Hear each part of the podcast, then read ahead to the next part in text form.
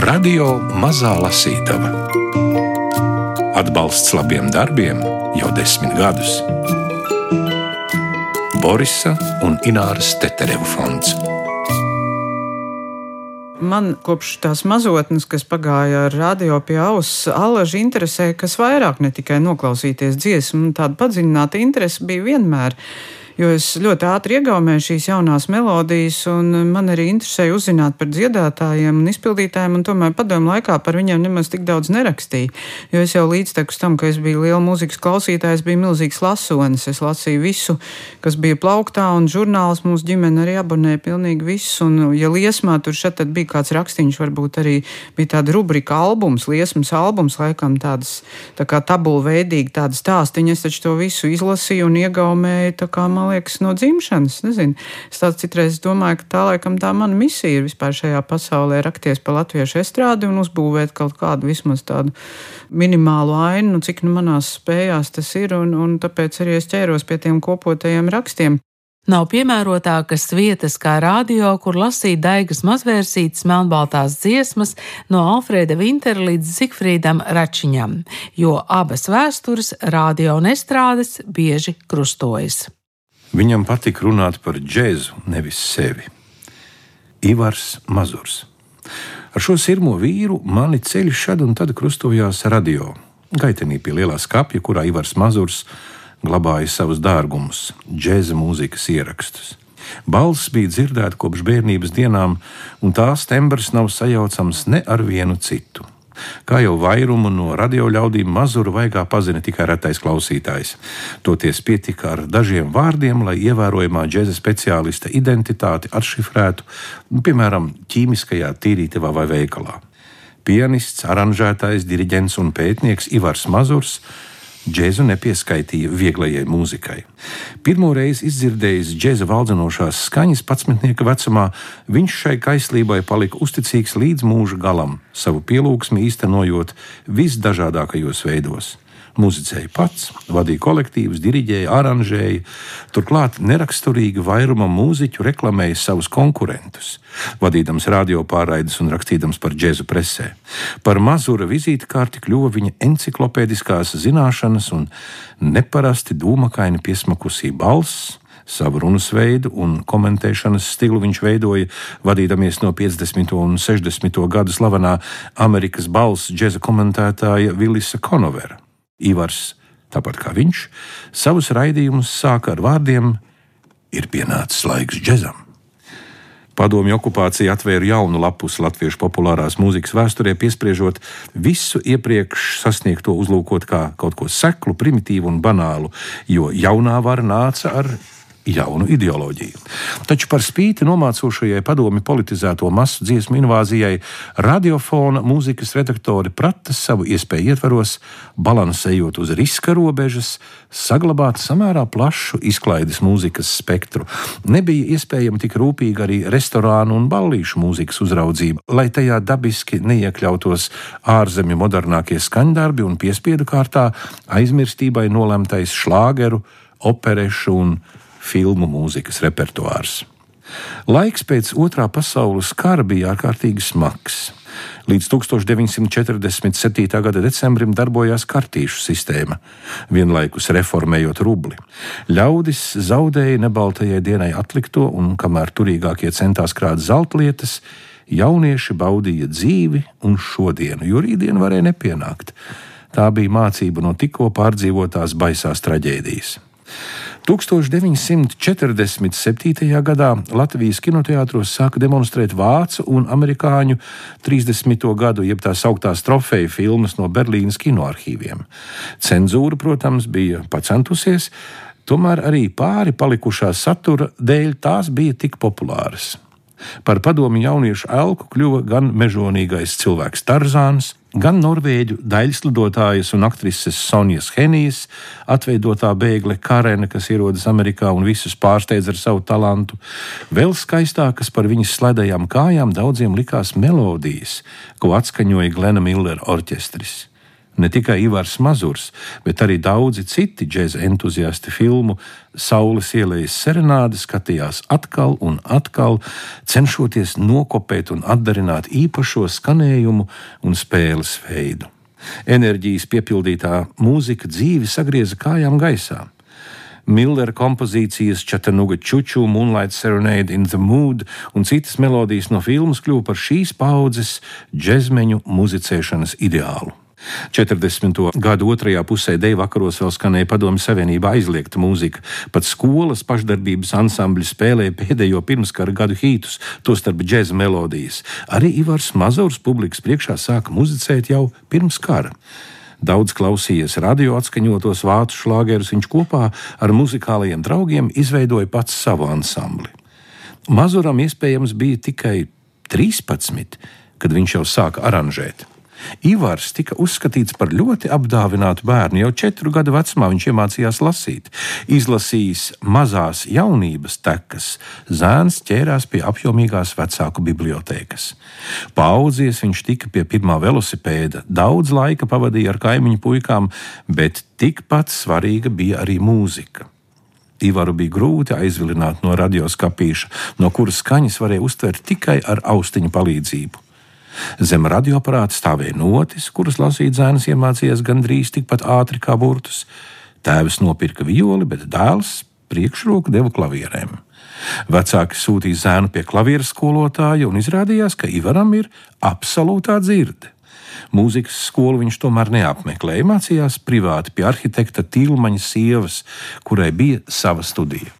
Vēl ko es varbūt neesmu tik bieži pieminējis, bet um, tāds krājais un pētnieks bija mans vectētiņš Edvards Mazvērsītis, un viņam bija mapes par pilnīgi visiem māksliniekiem, latviešu literātiem un arī mūziķiem, protams, lielākoties akadēmiskajā jomā, bet bija arī par populāro žanru, un tad tās mapes pēc tam nonāca pie manis, un arī interesanti, kā viņš arī šo to pamanījis tādu, ko, piemēram, šobrīd periodikā, kas ir digitalizēta Latvijas Nacionālajā bibliotekā, ir grūti ieraudzīt darīt. Tā kā, nu, es nezinu, laikam mantot tā ziņkārība ir, bet bez ziņkārības jau žurnālists nav iespējams, vai ne? Un kur nu vēl muzikologs?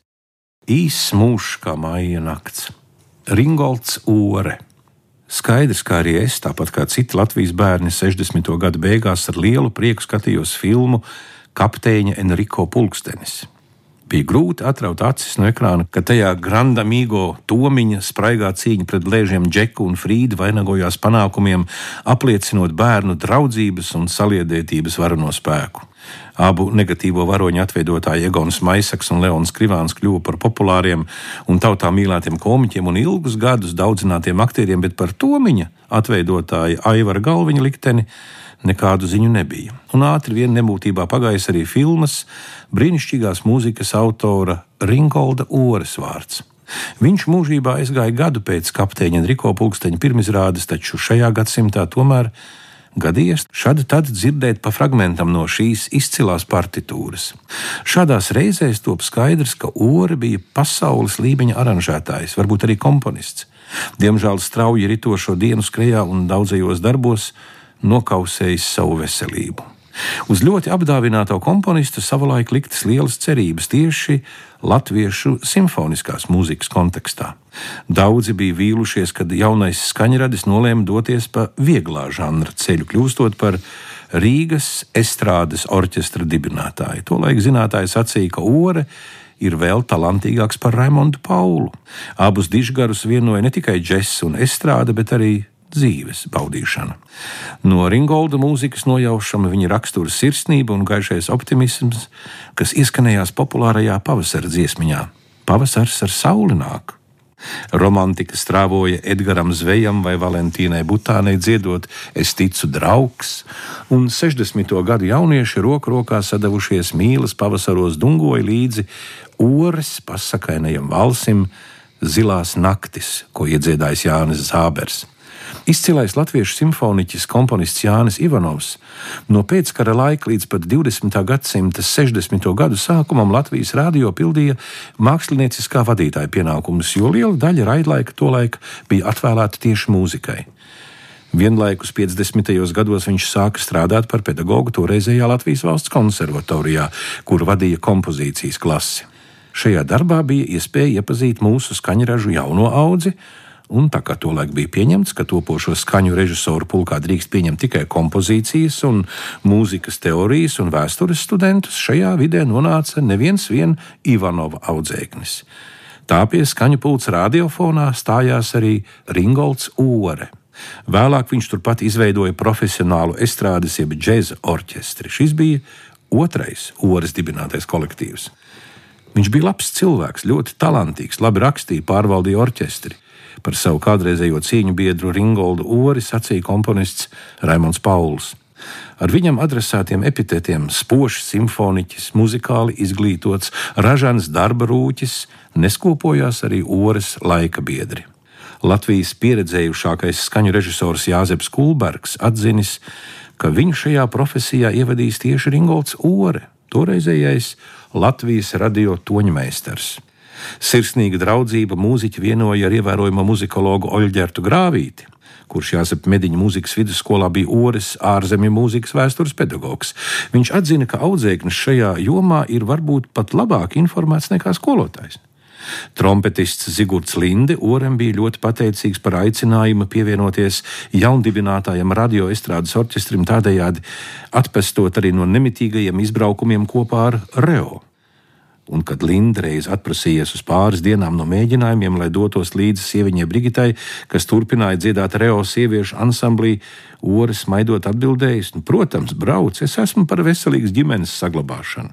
Citreiz ļāvis doties brīvsolī mūziķiem, kam bija jāpalīdz vecākiem kartupeļu talkā vai jābrauc uz radu kāzām. Savu cilvēcisko smalkjūtību un inteliģenci Ringolds Ori bija apguvis ģimenē, audzināts adventistiem tipiskā garā. Gaišs zēns, gaišu seju.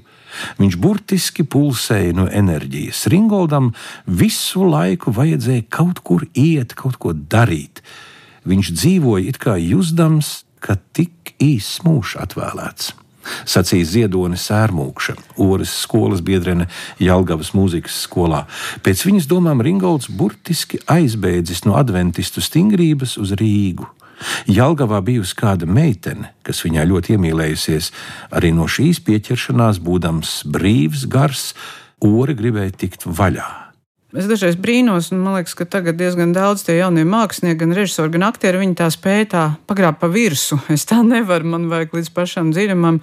Un, piemēram, nesen arī es Valmīras ansambļa kveldu vēsturi pētu. Es sazvanīju kādreizējo dziedātāju, kurai nākamgad būs 80. jubileja, Īra Kārku.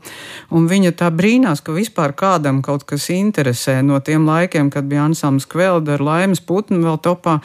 Un vēl tāds citāts arī, es nezinu, man liekas, ka Rudīta Kalpiņa man to teica, ka tiem cilvēkiem, kam tagad nu, nepatīk, tad viņi rokas vēsturē. Nu, tad laikam es esmu viens no tiem, kas ar tagad nav īsti apmierināts. Un tad dažreiz tā pārceļos, nu, pilnīgi ne jau ar miesu un asinīm, bet pilnīgi visu savu garu es pārceļos uz tiem pagājušiem laikiem. Un kaut gan nu, padomu sistēma daudziem atmiņā ir kā kaut kas briesmīgs, smags un riebīgs, tad man liekas, ka rokoties tieši mūzikas jomā, tur ir tik daudz skaistu skaņdarbu, tur ir tik daudz talantīgu cilvēku, jo nebija jau nekādu citu nodarbi īpaši daudz, ja izņemot tur vingrošanu. Ja, tad mūzika bija kolosāls laika pavadīšanas veids un pašdarbība plauku un zēlu un ar talantiem ļoti cītīgi strādāja, bija milzīga atlases sistēma, šīs tarifikācijas skates.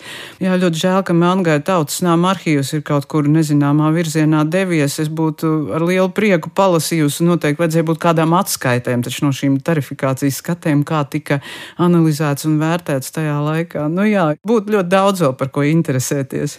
Vieglā mūzika, estrādes mūzika, kāds būtu pareizais apzīmējums, jeb tavu versiju, kā nosaukt?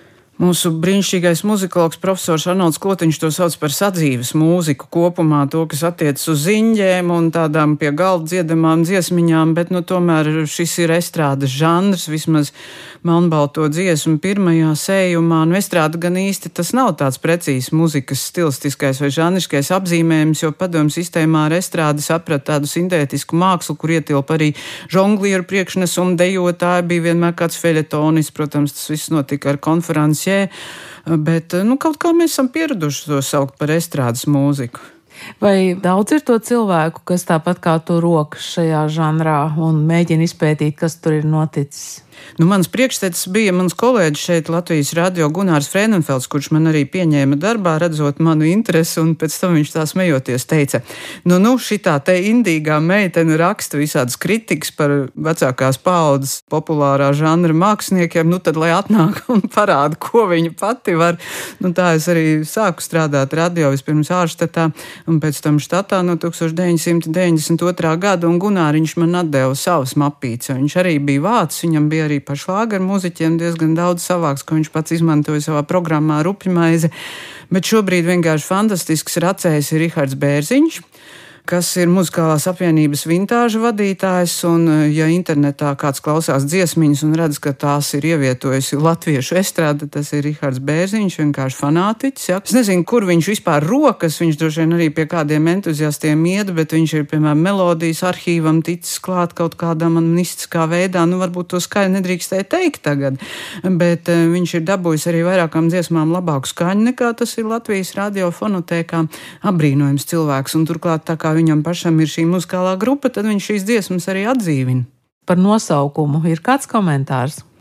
Nu, melnbalts, man liekas, ka padomju sistēma jau bija melnbalta, bija melnbalts fotografijas, vismaz man bērnība tā arī pagāja, nu, tāpēc arī dziesmas it kā melnbalts, protams, notis ir melns un uz balta papīra, nu, pavisam vienkārši. Krāsaini to visu padara tieši šo te dziedātāju, gan dzīves stāsti, gan arī tās vibrācijas, kas piemīt viņa balsīm, protams, mūziķiem arī, kas, man liekas, visu sevi ielika tajā, ko viņi darīja, jo, nu, kā jau teicu, tad muzika bija tāds ļoti populārs vaļasprieks, daudziem pat dzīves jēga jēga, jo nu, kā gan tu varēji piepildīt un, un, un rast vispār kaut kādu izlaušanās veidu, kaut vai nonākt uz skatuves, sastapt klausītājus. Varbūt kāds no viņiem sapņoja arī nokļūt ārzemēs, nezinu, bet, nu, piemēram, daudz šie džēza entuziasti, nu, man liekas, ka viņi bija apsēsti vienkārši ar to, kā noskatījās saules ielais senāt, tā kļūst slimi uz visiem laikiem ar šo neticam skaisto mūziku, kas bija kaut kas tiešām pārsteidzošs. Es iedomājos pēckara situācijā, ka tev lāga nav ko ēst un nav ko vilkt mugurām. Varbūt tu nedēļu pārtiec no āboliem,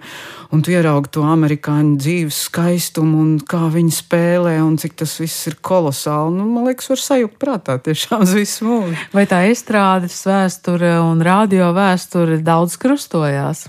Nu, radio jau var pateikties par šo te godu, ka tieši šeit izveidojās pirmais profesionālais kolektīvs Latvijas radio estrādes sekstets, ko izveidoja studiju biedri Egils Švarts un Raimons Pauls, un atkal viss pateicoties toreizējā radio mākslinieckā vadītāja Jāņa Ivanovs svētībai, kurš bija cilvēks, jāsaka, ar plašiem uzskatiem. Protams, estrāda alaž bijusi tā kā pabērnu jomā, jo akadēmiskā mūzika skaitījās tā augstākā pilotāža, un šiem te estrādes spēlētājiem pat tika dot stingri rājieni un dažādi aizrādījumi, ka viņi nodarbojas ar šo mākslu. Protams, tas pats attiecās arī uz džēzu, bet, nu, patiesībā jau es domāju, ka Jānis Ivanovs ļoti labi saprata, ka arī šim žanram ir jādod iespēja attīstīties, un viņš novērtēja gan Egilu Švarts, gan Raimondu Palnu, saprata, ka šeit ir tiešām profesionāls darbs un, un tā tas viss sākās 1956. gadā. Egils Švarts. 1956. gada janvārī skolas biedri devās uz Doma laukumu astoņi, un viņus pieņēma izcilais komponists Jānis Ivanovs, toreizējais radiofona mūzikas redakcijas galvenais redaktors. Egils Švarts saka, Viņš bija cilvēks ar ļoti plašu garīgu apvārsni. Atceros, kā mēs ar Paulu, divi 20 gadnieki, stāvam Ivanova kabineta durvīs un sakām, ka gribētu deju mūziku pārvērst par klausām, un lai tā nav haltūra, pacelt to radio līmenī. Un Raimons uzreiz piesēdās pie klavieriem un nospēlēja savu pirmo kompozīciju. Un tad es nodomāju, tas Pauls visu grib, tik labi spēlē klavierus, bet kāpēc viņš grib komponēt? Mums konservatorijā visiem bija pretenzijas. Klausījāmies Prokofjevu, impresionistus, ļoti sarežģītu postmodernu mūziku, bet viņš ņem un uzraksta tādu pavisam vienkāršu meldiņu bez pretenzijām. Es nesaprotu, ko ar to varēs iesākt. Bet Ivanovs teica, taisiet Es tūdaļ uzņēmos organizatorisko lomu, sākām sistemātiskus mēģinājumus radiofonā. Protams, ārštatā Pauls rakstīja meldiņas, es aranžēju, Gunārs Kušķis spēlēja klarneti, viņš bija izcils saksofonists, bet no saksofona mēs vairījāmies. Jo tas vēl bija laiks, kad saksofons gribēja izliekt taisnus, bet uh, klarnete no dabas ir taisna bija tāds ģitārists Georgs Slaveckis, kam piederēja vienīgā oriģinālā Gibson markas ģitāra, bet ar bunzinieku Haraldu Brando Pauls bija spēlējis kopā Lido restorānā. Vēl ar mums spēlēja Edvards Ābelskalns, kuram bija saglabājies pirms kara amerikāņu vibrafons, rets instruments. Arī no šāda viedokļa mūsu ansamblim bija kvalitāte, un šis bija pirmais sastāvs, kad latviešu estrādē kaut kas tika radīts nopietnā muzikālā līmenī. Vienlaicīgi tas bija Hruščova atkustnis, kad jau varēja gandrīz visu spēlēt, tomēr prasīja, lai programmā būtu latviešu un padomju skaņdarbi. Bet Žilinskis estrādē nerakstīja un Pauls vēl nebija vērā ņemams komponists. Tas bija arī brīdis, kad džēza mūzika pasaulē palēnām pārdzima jaunā kvalitātē, zaudējot savu plašo popularitāti, jo tā vairs nebija deju pavadījums. Pārējot jaunā, klausāmas mūzikas, jeb koncerta žanra līmenī, džēza automātiski zaudēja savas līderu pozīcijas. Amerikā jau 50. gadu beigās džekam nācās piekāpties rokenrolam, Elvisam Preislijam, Čakam Berijam un vēlāk 60. gados Beatliem un viņu sekotājiem. Latvijā šie procesi, protams, atpalika no rietumu tempa, un tieši Paula un Švarca vadītais instrumentālais sekstets radīja lielo sprādzienu latviešu estrādes mūzikā. Savā apmēram gadu ilgajā darbošanās periodā radio sekstets ieskaņoja gan instrumentālu mūziku, gan dziesmas, kuru vidū bija no ārzemēm nākošais Waterloo tilts, Sibonēja, Besame Mučo latviešu valodā, gan pirmie Raimonda Paula darbi estrādes žanrā, protams, ar džēza krāsām. Diemžēl pirmā maistro skaņdarba 1956. gada pavasarī radītās fantāzijas par Īva Montāna dziesmu tēmām ieraksts ir izdzēsts, un šis mūzikas materiāls vēsturē izzudis. Toties 1956. gada pavasarī ieskaņotā nenosūtītā vēstulīte nu, liriska dziesma ar otru nosaukumu. Ar Dainas avotiņas vārdiem Valentīnas Butānas izpildījumā sniedz skaidru liecību par Paula plaukstošo komponistu talantu un pianista meistarību. Šis arī bija mirklis, ar kuru viņa radošā darbība sāk attīstītos divos paralēlos virzienos - komponēšanā un koncertdarbībā, kur Paulam bijuši vairāk amplitūdā - pianists, aranžētājs un vēlāk arī diriģents. Tas bija notikums, kad dziesmu atskaņo radio. Viss ilģu ciems bija dzirdējis, skrēja man pretī, tevi pa radio spēlēja. Baigais notikums, vai dieviņa? Varēja kā pāvis staigāt apkārt. Manam tēvam bija tāds smaids sejā, pēc tam viņš bieži smaidīja koncertos, atceras maestro. Tomēr Paula un Švarca estrādes sekstets pastāvēja tikai līdz brīdim, kad 1957. gadā Latvijas valsts filharmonijā tika nodibināts Rīgas estrādes orķestris. Par diriģentu un māksliniecisko vadītāju kļuva tikko konservatoriju beigušais komponists Ringolds Ore, bet pianista amatam tika uzaicināts Pauls. Viņš to pateica mums un nolēmām nu, vai nu visi, vai neviens. Un iekļāvāmies orķestra sastāvā, bet turpinājās mūsu ieraksti kā radio sekstetam, atklāja Egils Švarts. Daiga mazvērsīta sola, ka būs vēl. Melnbaltās dziesmas no Alfrēda Vintera līdz Zifrīdam Račiņam izdevusi Zvaigznā BC, lasīja Gundars Āboliņš. Radio Mazā Lasītava Atbalsts labiem darbiem jau desmit gadus. Borisa un Ināras Teterevu fonds.